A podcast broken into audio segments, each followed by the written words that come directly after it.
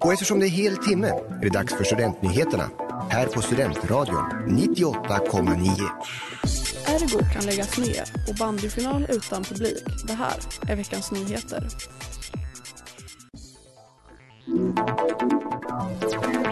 Ergo, Uppsala studentkårs tidning, kan nu läggas ner. Tidningen grundades för 97 år sedan och bevakar olika ämnen relaterade till universitetet och studentlivet i Uppsala.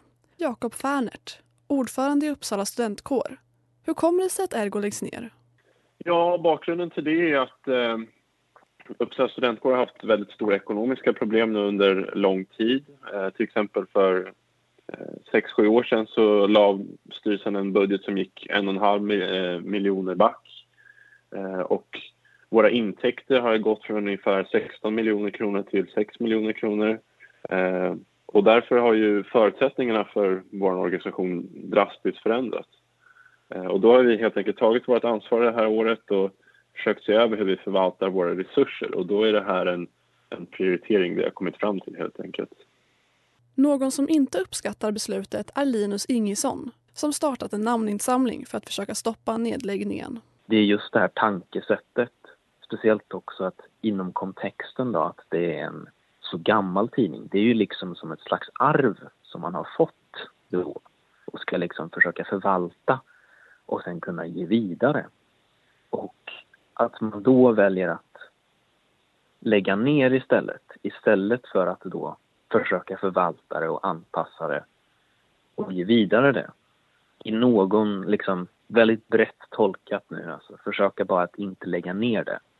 Att man väljer att göra så här, det är liksom på något sätt ganska tragiskt. Men samtidigt, jag vet att det är väldigt mycket mer komplicerat och att det är väldigt svårt. Men det hindrar inte från att det är väldigt, väldigt tragiskt på något sätt. Beslut om Ergos framtid fattas formellt den 22 mars men slutgiltigt först den 22 april. Lördagen den 27 mars går SM-finalerna i bandy av stapeln. Enligt tradition sker detta på studenternas IP, men i år helt utan publik på grund av rådande restriktioner. Damernas final mellan Villa Lidköping BK och Västerås IK spelas klockan 13.00. Herrarnas final spelas klockan 18.00. Vilka som möts där är inte klart vid tiden för denna nyhetsinspelning utan avgörs i de sista semifinalerna på måndag den 22 mars.